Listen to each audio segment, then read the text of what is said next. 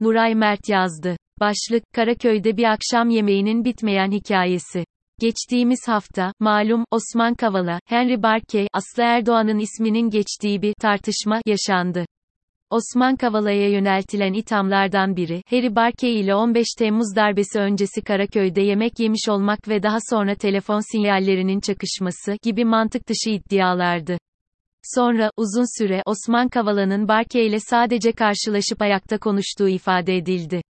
Aslında akıl almaz olan asıl konu Henry Barkey ile Karaköy'de yemek yemiş olmanın veya telefon sinyallerinin çakışmasının suç sayılması meselesiydi. Ama zaten Kavala iddianamesinin hukuki değil, siyasi bir dava olduğu yeterince vurgulandı. Ancak Barkey'in o gece Kavala ile değil, Aslı Aydın Taşbaş ile yemek yedim açıklaması konuyu tekrar gündeme getirmiş oldu. Aslında olaya nasıl baktığımı Medyaskop'ta haftalık programımda anlattım. Özetle tekrarlayayım, Barkey ile yemek yemenin suç sayılması tam bir saçmalık. Aslı'nın bu konuda savunmacı bir tavır sergilemiş olması, insanlık hali, Türkiye'de mevcut ortamda, suçlanmaktan çekinmesi, nedeniyle olmalı. Zaten daha önce açıklamış olmamasının Kavala davasının seyrini değiştirecek yanı da yok, nitekim o da Kavala'nın bilgisi olduğunu, dahası onu suçlayanların da kimin kimle yemek yediğini gayet iyi bildiğini ifade etmiş. Kısacası, üzerinde tepinilecek bir şey yok. Nokta. Diğer taraftan, hemen söyleyeyim, Barkey ve benzeri, akademisyen, gazeteci, siyasetçi birçok yabancı ile ben de, pek çok arkadaşımız da pek çok yemek yedik görüşme yaptık. Hatta, İngiliz konsolosluğunun daveti üzerine o zamanki Dışişleri Bakanı David Miliband ile bile yemek davetine katıldım.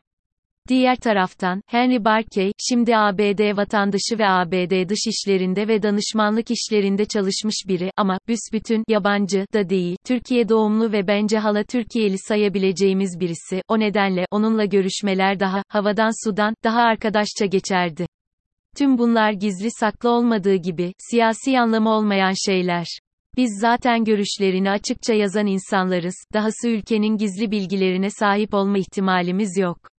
Merak ediliyorsa, hemen söyleyeyim, yabancı istihbarat çevreleri, bizim gibi gazeteci ve veya akademisyenler ile görüşerek gizli bilgi toplamak gibi bir yöntem izlemez. Bu gerçeği bizim ülkemizin istihbaratı da bilir.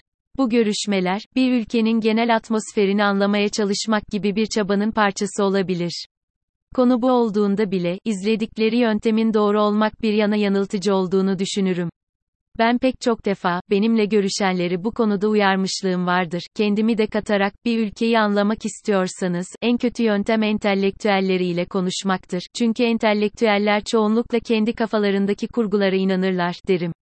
Sonuçta, aklı başında herkes, dünya çapında bin bir karanlık iş çeviren güçlü ülkelerin hiç de masum olmadığını ama kimsenin de gazeteciler ile toplaşıp, lokantalarda darbe planlamayacağını bilir.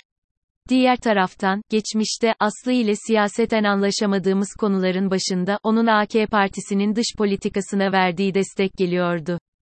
Son olarak, Suriye konusunda, iktidar politikalarının savunucularındandı. Sonra, iktidar partisi Batı dünyası ile arası açılır gibi olduğunda fikrinin değişmiş olması da anlaşılabilir. Zira Batı dünyasının dünyaya demokrasi yayma misyonu olduğuna samimi olarak inanır, arkadaş olmamıza rağmen anlaşamadığımız en önemli konu bu olabilir.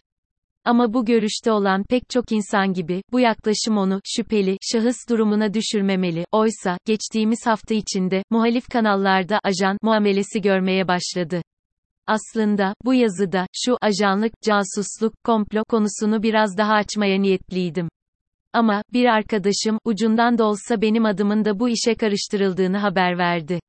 İnanın ben de nasıl olduğunu anlayamadım. Şöyle olmuş, asla muhatap almak istemediğim halde, daha önce de durup durduk yerde ismimi geçirme adeti olan Habertürk yazarı Oray Eğin bir yazısında, zamanında Henry Barkey'in Amerika'dan beni arayıp, bazı gazetecilerin bir kafede haftalık buluşmaları konusunda beni uyardığını, bunun üzerine benim de bu buluşmalara katılan Ahmet Hakan'ı uyardığımı yazmış.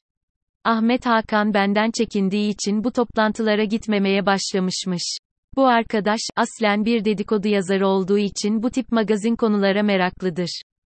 Nokta. Bu sefer, işin içine Barkey'in beni, Amerika'dan aramış olmasını, sokuşturup, belli ki, şüphe uyandırmak istemiş. Nedenini bilemem, zamanında, akşam gazetesinde yazarken, aslı faslı olmadığı halde, üstelik yalan olduğunu herkesin gördüğü bir konuda, burun estetiği ameliyatı geçirmiş olduğum gibi garip bir haberde yapmıştı. Hemen belirteyim, estetik burun ameliyatı yaptıranları ayıplayan biri değilim. Sadece ben yaptırmadım o kadar. Sözünü ettiği olayın gerçek dışı olduğunu belirtmeme bilmem gerek var mı?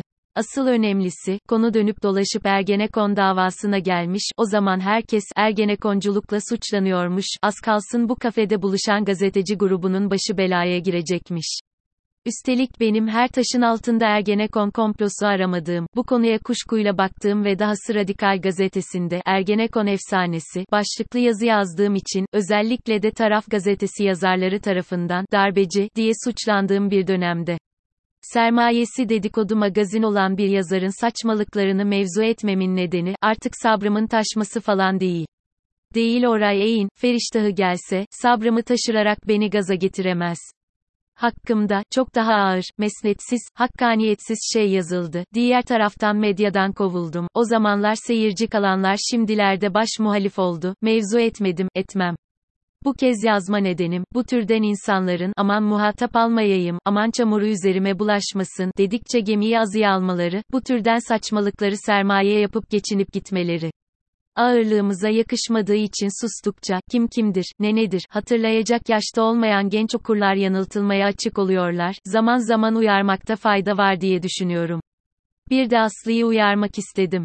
Belli ki, bu konuyu bahane edip, övgüler dizerek, ABD'de önemli bir işe başlayacağını duyurduğu Aslı'ya yanaşmak çabası içinde. Artık, Aslı da pişer, bana da düşer, diye mi düşünüyor, kızın hayatına sokulup dedikodu malzemesi mi çıkarmaya çalışıyor bilemem. Aman Aslıcım, hiç bulaşma, demek isterim.